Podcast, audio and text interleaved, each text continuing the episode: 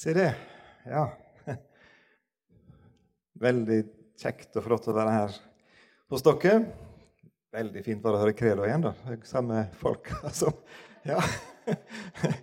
19 år siden jeg og avslutta som forstanderfolk på Salem i Mjøndalen. Det er tida flyr. Ja. Jeg tror vi sier ikke mer om det. Ja. Men uh, veldig fint å være her.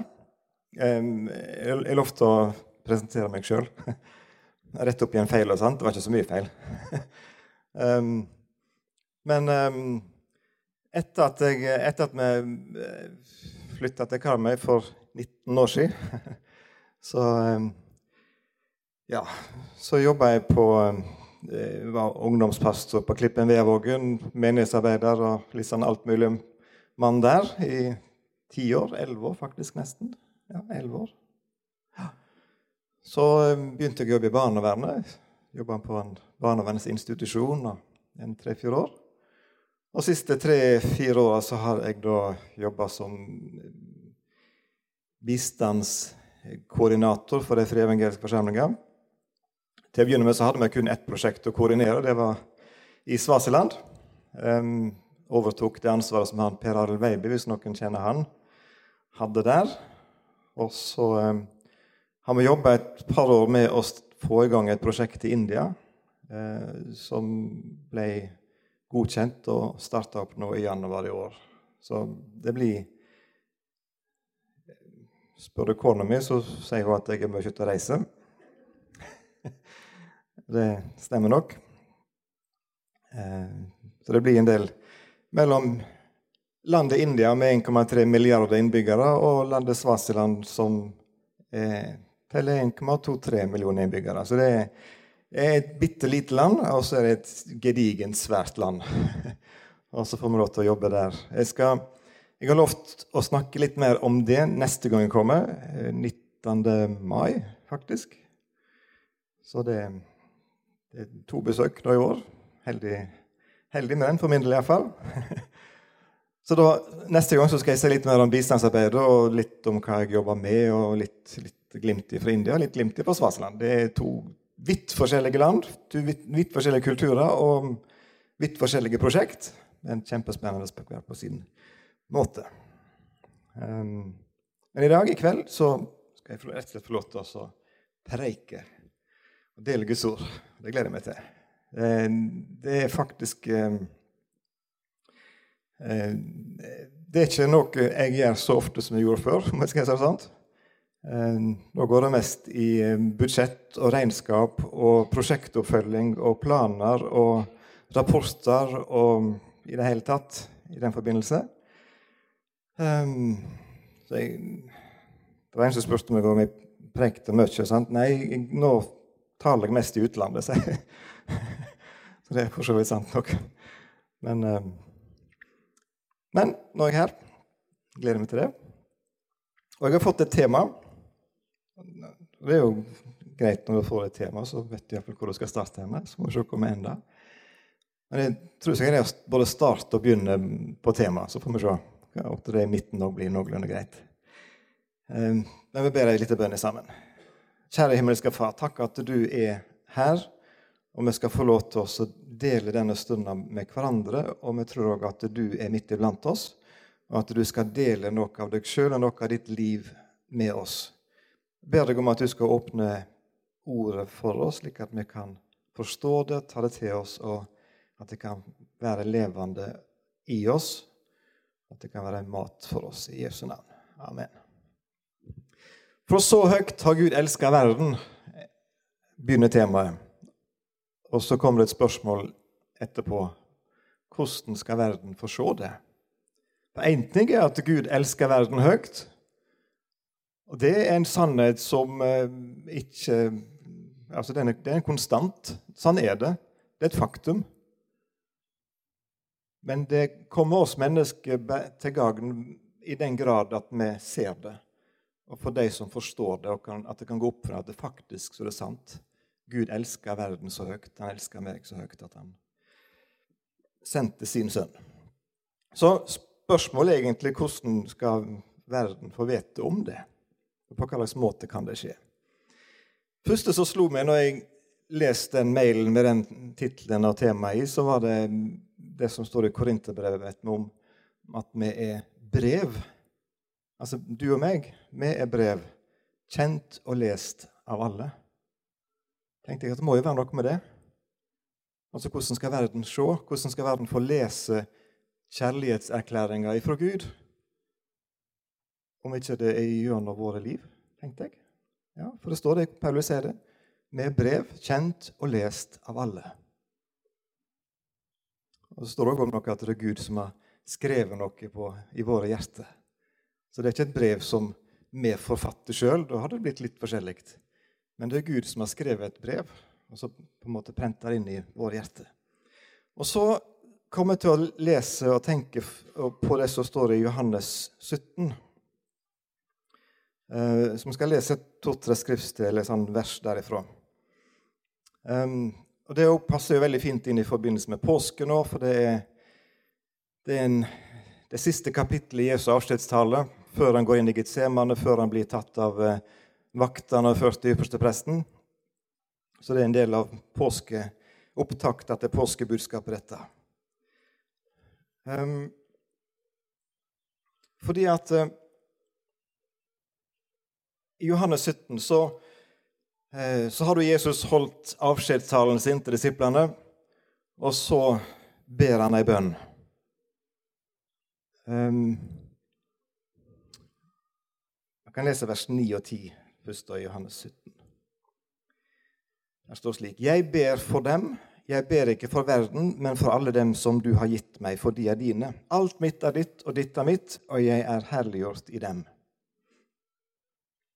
Så han, står det videre om at, det, at, eh, at, vi ikke er lenger altså, Jeg er ikke lenger i verden, sier Jesus, men disse, altså disiplene og oss, vi er i denne verden. Vi er ikke av verden, men vi er i verden. Så litt av dette her. Um, men han sier altså at han, han ber ikke for verden, står det. Men han ber for oss. Jeg må innrømme at jeg jeg ber for verden. Jeg ber for de som ikke er frelst, at de må bli frelst. Det tror jeg kanskje flere gjør.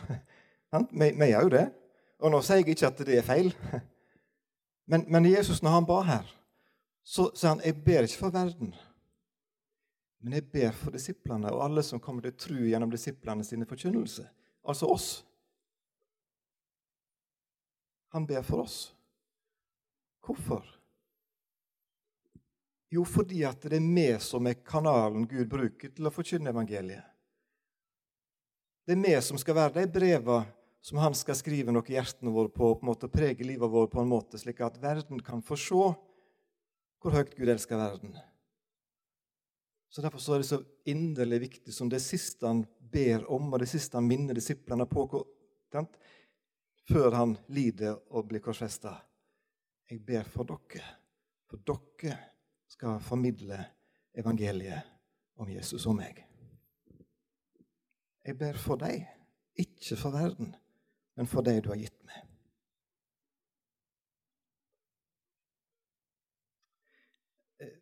Denne bønna i Johannes 17 den, den, blir jo som regel, når, blir, når jeg hører den bli talt eller skrevet andakter om, så, så, blir den som regel, jeg tror nesten alltid, brukt som dette med, med sånn kristen enhet.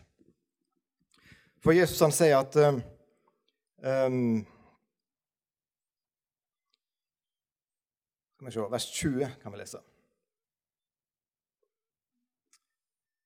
Jeg ber ikke bare for disse, men også for dem som, kommer, som ved deres ord kommer til tro på meg, at de alle må være ett, like som du, Far, i meg og jeg i deg, og at også de må være ett i oss, for at verden skal tro at du har utsendt meg.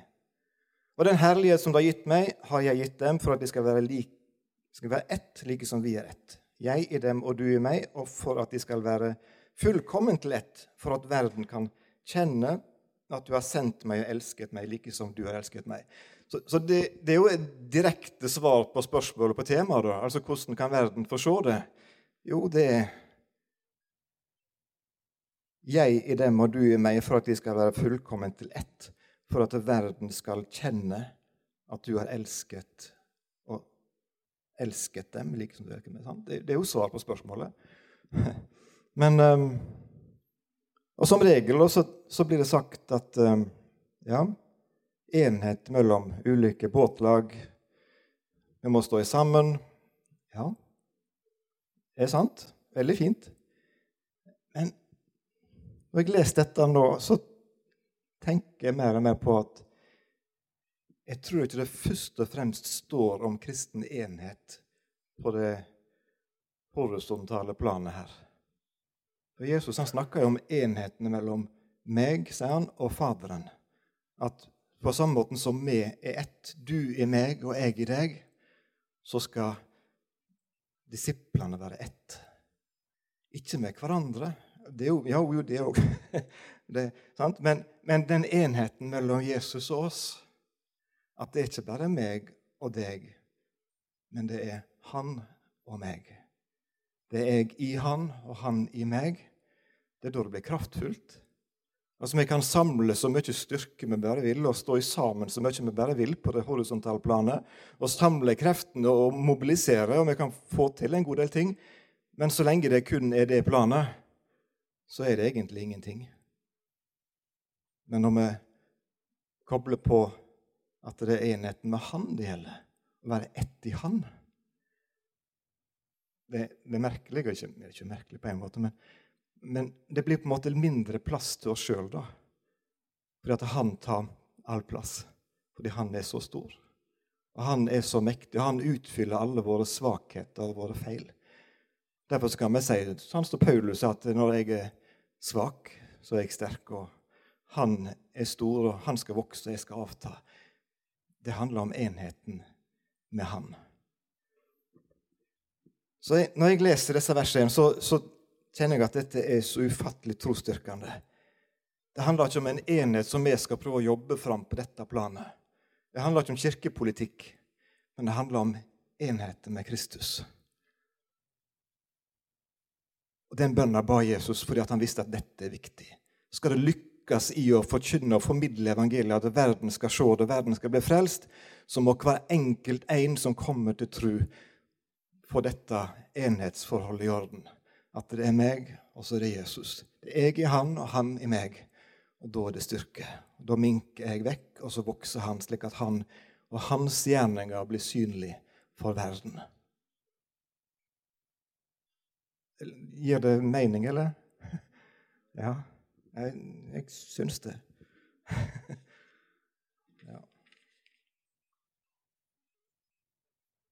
Når, jeg, jeg, av og til jeg bruker litt sånn manus, og nå i dag har jeg litt manus. for at jeg, Når du er på store plasser, sånn, så må du Når du er litt sånn ekstra nervøs, så må du ha litt manus. ja.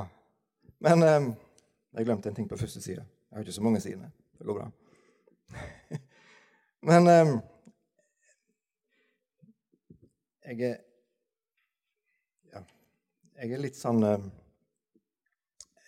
Jeg er litt for tilhenger av enkel teologi. Av og til blir det litt så innfløkt. Og da detter vi av lasset og hopper av. Det blir for vanskelig. Litt sånn enkel teologi. Er dere, er dere med på det? ja. Um, og Jesus han var eksempelet på det. For kapittel 17 i Johannes-evangeliet, det ypperste prestelige bønn, da går han inn i Egypt og teologien i det sant, og forklarer dette her. Men han har gitt et enkelt svar i avslutningen av kapittelet før. Og Da sier han i vers 32 Han snakker om at det kom en time, og den timen er alt kommet nå, da dere alle skal bli spredt, hvert til sitt, og lar meg være alene, skriver han. Og så kommer det. Men 'Jeg er ikke alene, for Faderen er med meg'. Enkel teologi. Og Jeg kjenner at det der kan jeg stille meg inn, og så kan jeg få lov til Guds nåde å si at jeg er ikke alene. Du er ikke alene. Faderen er med meg. Faderen er med oss, med deg.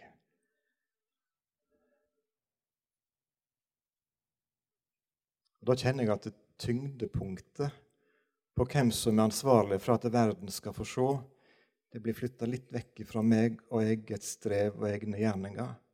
Og så er det han. Han som kan alt. han som strekker til. Han er med meg. Han er trufast.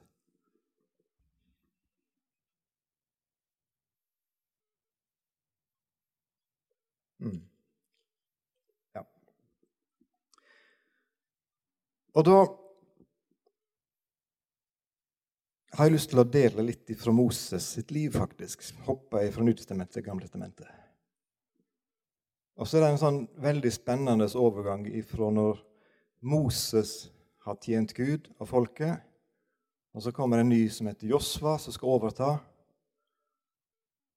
Og hvordan, alle disse overleveringene syns jeg er veldig spennende. Fra, den eldre til de yngre generasjoner. Hvordan sørger vi for at vi ikke mister noe underveis? Hvis, hvis det hadde vært bare en overlevering fra Jesu tid, f.eks.,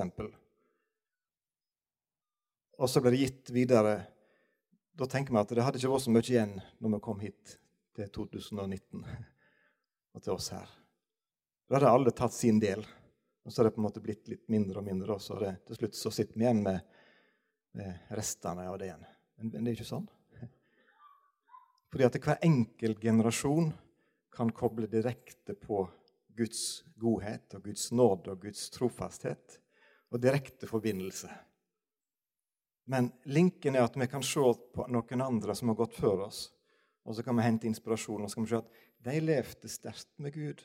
De opplevde Guds trofasthet og Guds nåde og Guds godhet. Ja, Det kan inspirere meg til ikke å bare ha knyttet et bånd ditt, men å knytte båndet den samme veien som han gjorde. Og Det var det som skjedde mellom Moses og Josfa. For Josfa hadde en ufattelig stor oppgave en, et, et, som lå framfor. Og når han så på det, så tenkte han at dette her kommer aldri til å gå. Men så kommer Gud, og så sier han at eh, bok kapittel 1 vers 5. Like som jeg var med Moses, vil jeg være med deg. Og jeg vil ikke slippe deg og ikke forlate deg. Da greide han å på en måte se at OK Her så han Guds nåde i Moses sitt liv. Og så talte Gud til meg, minte meg om at det, ja, han er med, jeg er ikke alene. Faderen er med meg. Og så kunne han gå inn i tjenesten. Og så kunne noen andre overta etter han igjen med å se at her var det en mann som var en Guds mann, som tjente Gud. Og så ble det ikke bare dråper eller sånn fraksjon av det han hadde levd, men det ble det fulle livet og livsfellesskapet med Gud og himmelen som var det som ga liv. Og Sånn er det evangeliet har overlevd, og Guds nåde har fått komme i møte med hver enkelt ny generasjon som har kommet det er fantastisk. Ja, det syns jeg. Men du er ikke alene. Jeg er ikke alene. Faderen er med meg. Det er, jeg syns det er en god teologi. Enkel nok til å få det med seg, til og med for en sunnmøring. Det var ei Jeg tar det før jeg går litt videre på Moses. Så står det i en Mosebok 16 om ei dame som heter Hagar. Hun var tjener for Abraham.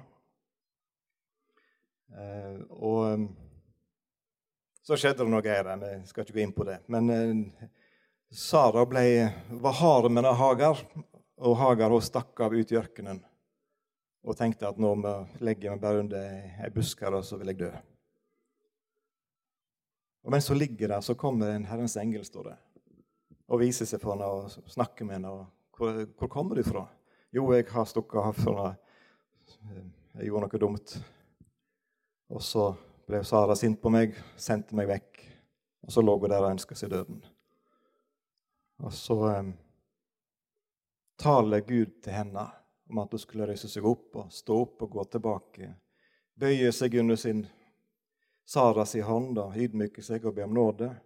Og så fikk hun løfte om at hun skulle bli far, eller mor, ikke far, selvsagt, men mor til et stort folk og ei rike ett, osv. Og, så og så bryter hun Hagar ut og så sier hun, har jeg virkelig fått sett ham som ser meg. Jeg har lett for at det blir fokus på at det er vi som skal se Gud. Vi skal se at Gud gjør store ting for oss og iblant oss. og vi skal, altså fokus, Litt sånn egoistisk fokus. Forstår meg rett? Ikke, ja. Men jeg brenner for at vi skal få enda større fokus på at det, det er Han som ser meg. Det er Han som kjenner meg, det er Han som vet alt om meg. Jeg bare kan få lov til å være gjenstand for Hans trofasthet og Hans godhet hver dag. Og da kan vi absolutt vi får kjenne og oppleve at Han er med. Ja, absolutt. Men, men, men det er ikke liksom jaget at jeg skal oppleve mest mulig, jeg skal se at sånn og sånn. Men la dere kunne hvile i det at Han faktisk tar seg av meg, og Han ser meg. Når Moses ble født, så ble han født inn i ei gyselig om jeg skal si et, kanskje et uttrykk, vanskelig tid. Alle guttebarn som ble født, ble tatt livet av. Da ble Moses født. Men heldigvis var det noen som fant han, fant han til en plan og berga han. Han fikk vokse opp i, i eh, dronninga sitt eller i, i, i Egypt. Og, og så um, tenkte jeg at ja Var Gud med Moses? Ja, det var jo det. Kjente Moses mye til det i oppveksten? Tror jeg ikke. Jeg tror ikke Moses gikk og tenkte hver dag et, et, som han liksom var liten og vokste opp, at å, så heldig jeg som eh, opplever Guds trofasthet og Guds godhet på denne måten her. Jeg tror bare han levde. Jeg tror bare han vokste opp helt sånn alminnelig. Så leser jeg om når Moses vokste opp, står det, så står ikke det fryktelig mye om oppveksten til Moses. Det står i kapittel 2 at han, Moses vokste opp. Og i neste kapittel, neste vers, så står det at han, da han var voksen Og så står det at han er 40 år, et vers, og så er det plutselig han 80 år. Så det står at han små bruddstykker om Moses sitt liv helt til han er 80 år. Og så står det litt mer om når han fører Israels folk ut av Egypt. og litt sånt. Men, jeg tenkte Var Gud med Moses i disse 80 åra med hverdager? Kanskje han var det? På samme måten som jeg var med Moses, så vil jeg være med deg. Det betyr egentlig rett ut enkelt sagt alle disse grå hverdagene, alminnelige dagene, da ikke du verken så eller kjente spesielt av Guds nåde og Guds godhet, så var Gud med. Så er Han med. Og Min erfaring så langt, snart 52 år neste uke, er livet består Kan godt få sitere meg på det. livet består av flest hverdager. Ja. Heldigvis er det, ja, det er noen sånne høydepunkter, noen sånne eh, festmøter og store dager, fine dager, og sånn som vi kristne vil kalle for seire og, og sånn positive, gode opplevelser av ting. Absolutt. Og takker Gud for det. Men summa summarum flest hverdager. Flest vanlige dager. Og Hvis jeg da skulle begynt å tvile på Guds godhet og tvile på Guds trofasthet, så hadde jeg hatt et problem. Men det å kunne leve i den tru og den visshet at Han er med, Han er trufaste hver dag, det er styrke. Og jeg tror at det, i jo større grad vi kan leve i dette fellesskapet med han, uavhengig av om vi ser, kjenner, føler og ja, alt dette her Jo mer vi kan ha det fellesskapet med han, i han, være bevisst på det, i større grad så får verden se Guds kjærlighet. Man tenker deg at hvis, eh, hvis vi er brev som Gud skriver i våre hjerter. Og hva vil Gud? Jo, han vil at alle skal bli frelst. Han vil vise verden at, det, at han elsker det, verden. Da er det jo et godt budskap han skriver her, ikke det? Det må jo være det. Jeg tenker, Gudsbildet vårt At det, det er han som elsker verden, han som elsker meg. Det er han som skriver dette brevet. ja, Moses sitt liv, mest hverdager.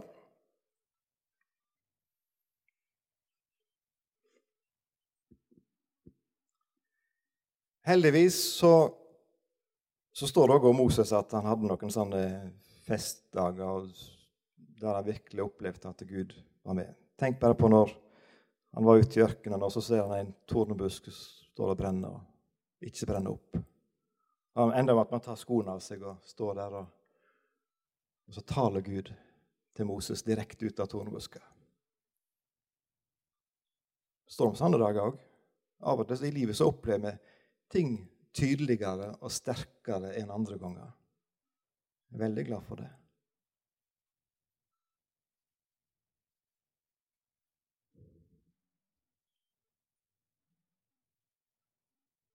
Etter den tornebuskopplevelsen tornebuskeopplevelsen så reises Moses tilbake til Egypt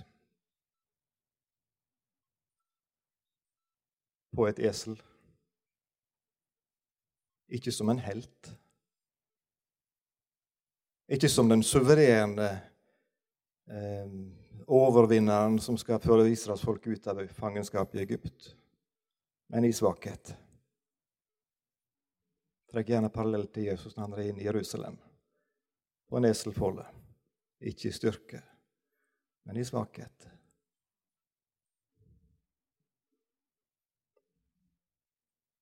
Gud han er ikke med på en måte der vi blir stående i glansen eller spotlighten som den som er stor, sterk og mektig.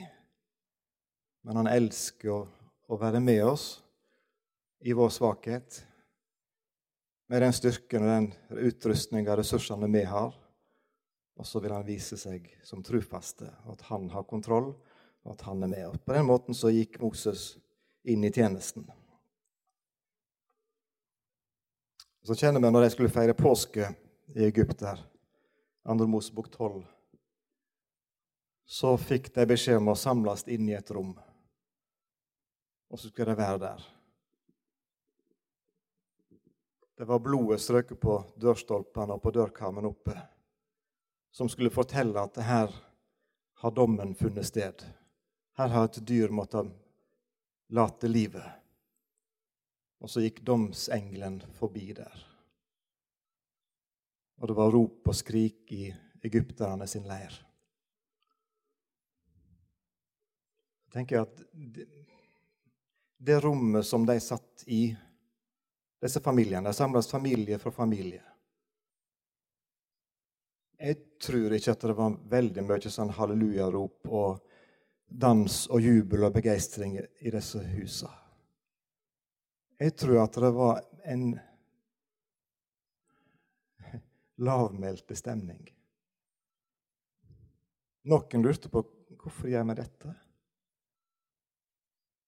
Ikke alle som hadde helt tråden i alt, tror jeg. Ikke alle som hadde den dype teologi, teologiske forståelsen av alt. Men de var der. Noen hadde sikkert sterk tro på at dette her, dette er Guds, uh, Guds redning til oss, men dette går bra. Andre var kanskje usikre og lurte på går dette bra. Uavhengig av hvordan de følte det. Det betydde egentlig mindre hvordan de opplevde og følte det. Det som betydde noe, var at de var på rette plassen. De var i dette rommet. Jeg kaller det gjerne for troens rom. Og i troens rom der er det plass til tvil. Der er det plass til usikkerhet. Der er det plass til disse spekter av følelser og ulikheter som vi representerer. det viktigste er ikke det, men det viktigste er at vi er på rette plassen. Vi er i Han, skjult i Han. Han døde for oss for at vi skulle gå fri. På samme måten som Josva sa han, som jeg var med Moses, så vil jeg være med deg. Så han på en måte han, han tegner ikke et sånn lite trangt rom og sier at inn innenfor disse rammene så skal jeg være med deg, og her, hvis du gjør sånn, da skal det gå bra. Men han tegner et hvitt rom og sier at 'jeg er med deg i alle slags dager'. Under alle dine skiftende humørsvingninger, eller hva enn det måtte være som du er, der er jeg med. I alle hverdagene dine så er jeg med. Og så skal du få noen bonusdager med sånn herlige og fine opplevelser. og. Det trenger vi. Kjempeflott. Men i troens rom der var det plass til det alle.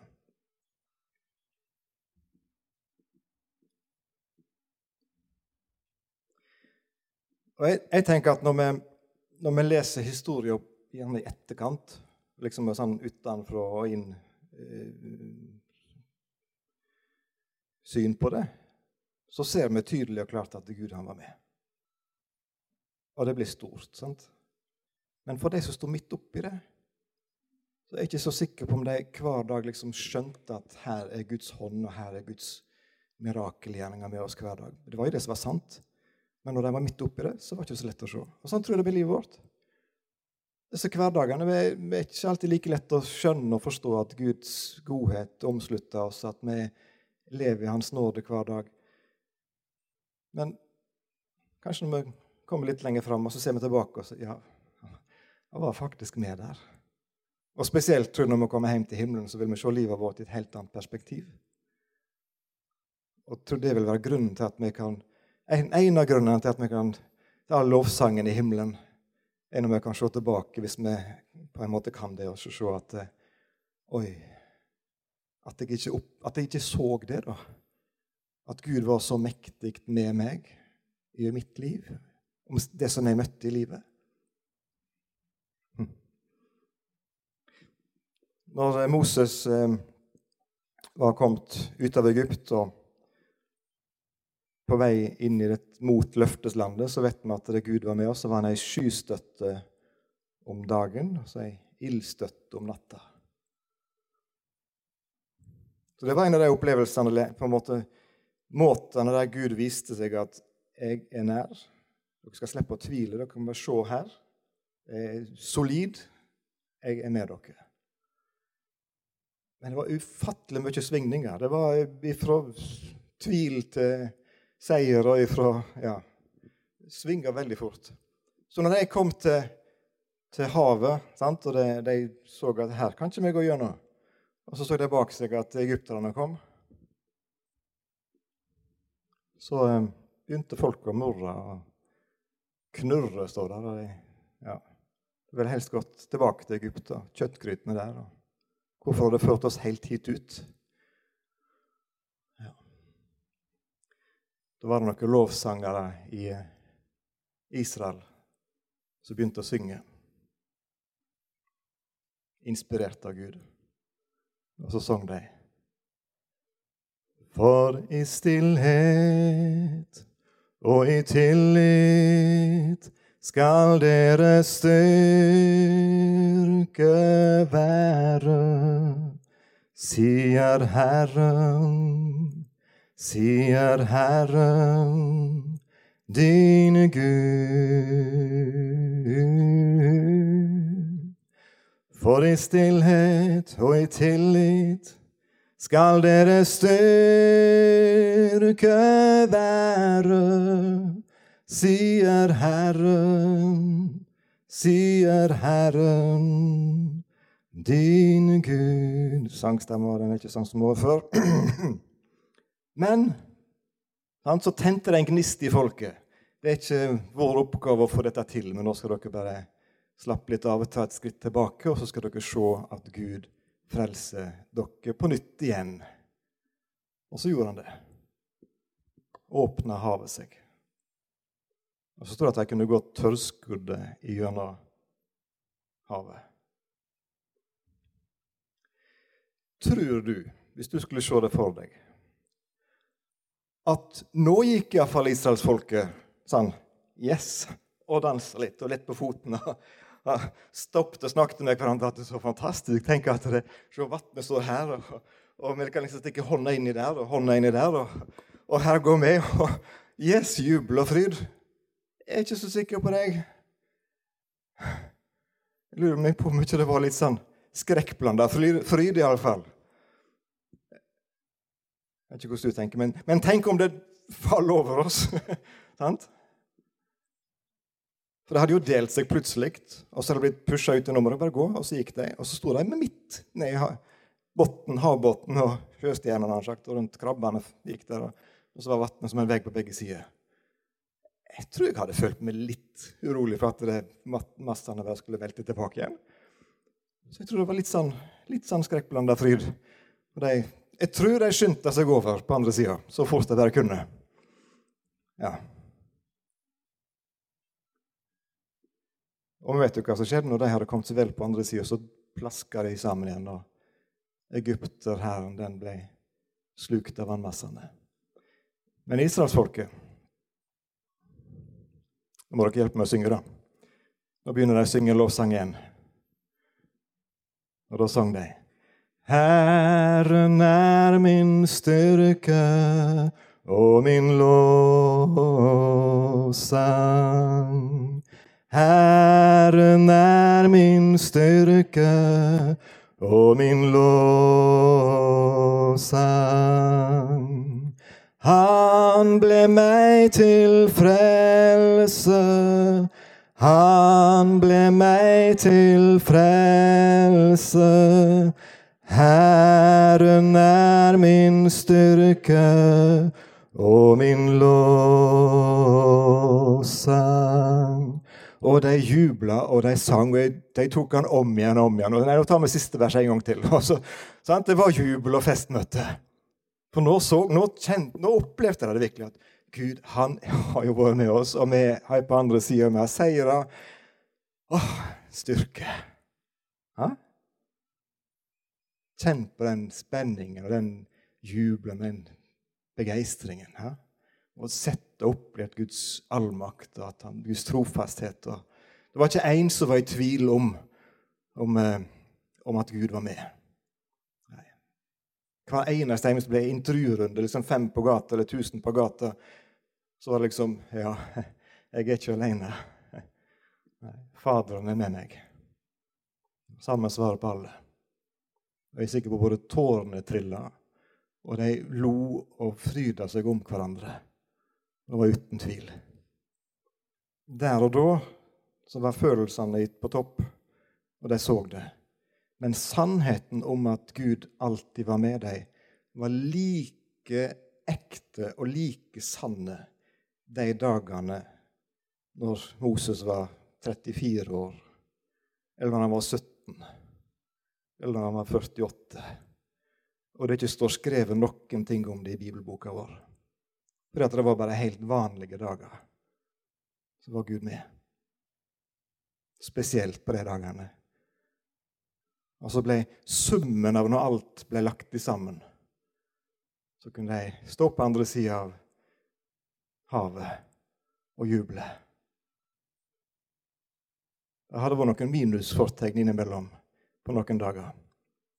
Moses' sitt liv var en god miks av eh, tru og vantro. En god miks av seier og nederlag. En god miks av å få det til og kjenne at ja, det gikk bra, dette. Og til å føle seg elendige, at dette gikk ikke i det hele tatt. Men de var på en plass. De var omslutta av Guds nåde og Guds godhet. Var, alt var en del av Guds plan, og de fikk lov til å gå gjennom alt vi sunget med Andre, Andre Crouch nå, men det skal ikke jeg men gjennom alt. Through it all. Jeg har lært å tro på Jesus. Jeg har lært å tro på Gud gjennom alt. Jeg må ta ett eksempel til. da. Ta meg tid til det. Um, siden jeg jobber med bistandsarbeid og hjelpearbeid, så står det om en hendelse i Mosebøkene om når Israelsfolket møtte motstand fra amalekittene, det. og Så begynte de, var det et slag, et stort slag som foregikk ned på markene, på slettelandet.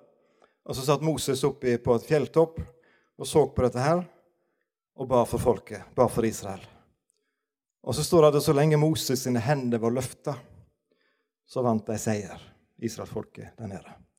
Men så satt at det, det trakk ut. Det var en langtrukken seier og en langtrukken kamp. Og så begynte hendene til Moses å bli trøtte og tunge. Så de sank ned sånn. Og Da står det at når Moses sine hender sank, så kom fienden tilbake og vant styrke og, og seire framover der. Og Så kom det to venner av Moses, står det. Aron og Hur. Og Så tok de tak i hendene og bare løftet dem opp og satte steiner under armene på han, sant? hendene, slik at han, hendene kunne stå oppreiste helt til kvelden kom. Og så vant de seier til slutt. Og enkel meg tenker at her leser jeg sånn enkelt teologisk sett at eh, det å hjelpe hverandre, det er verdifullt.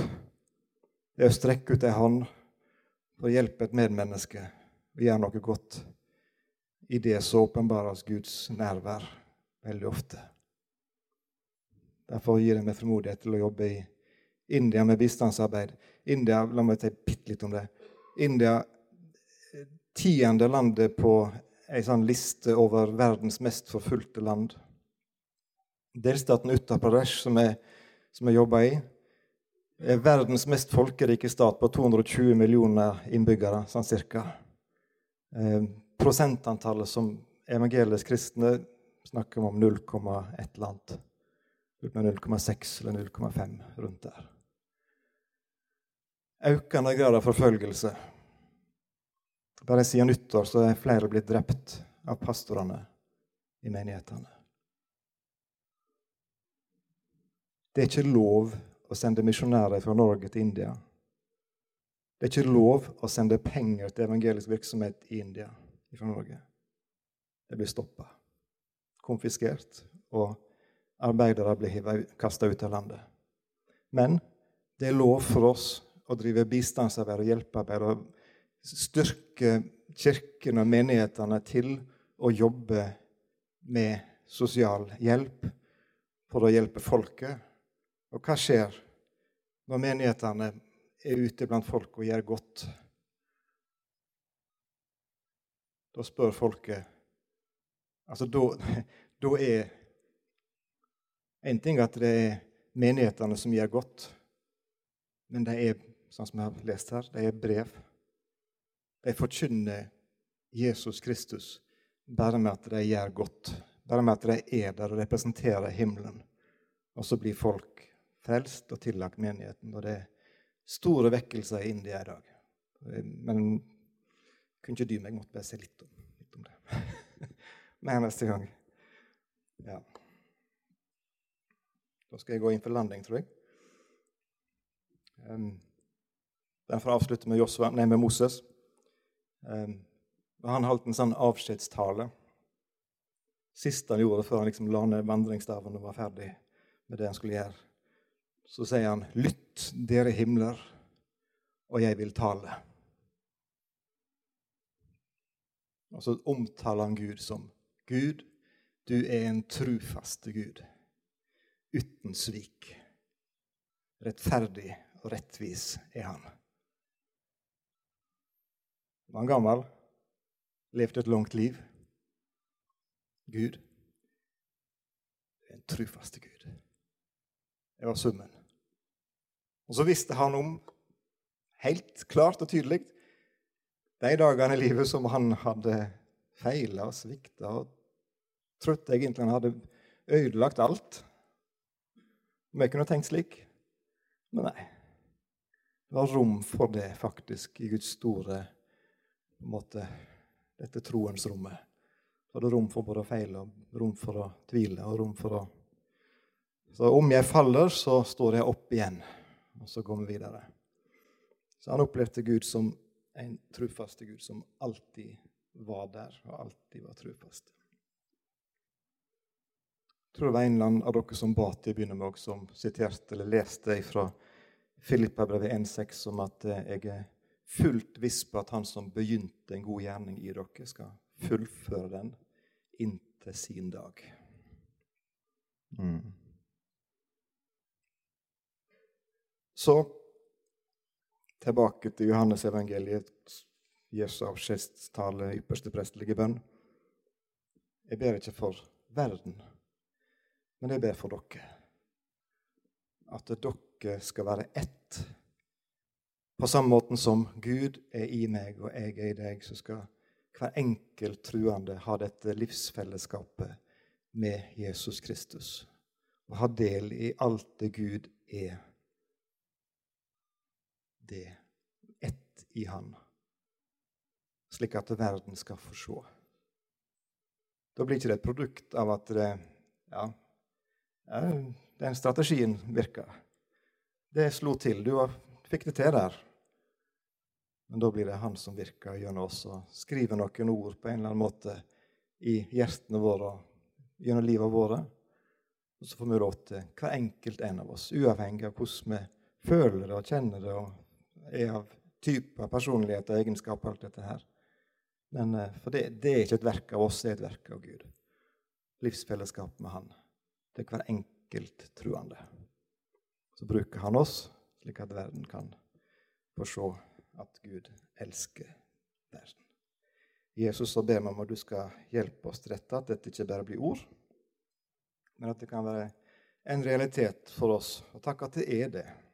Hjelp oss til å vende blikket vekk fra oss sjøl og, og omstendigheter det som måtte være rundt oss. Bare kunne si takk, Jesus, for at du er i oss.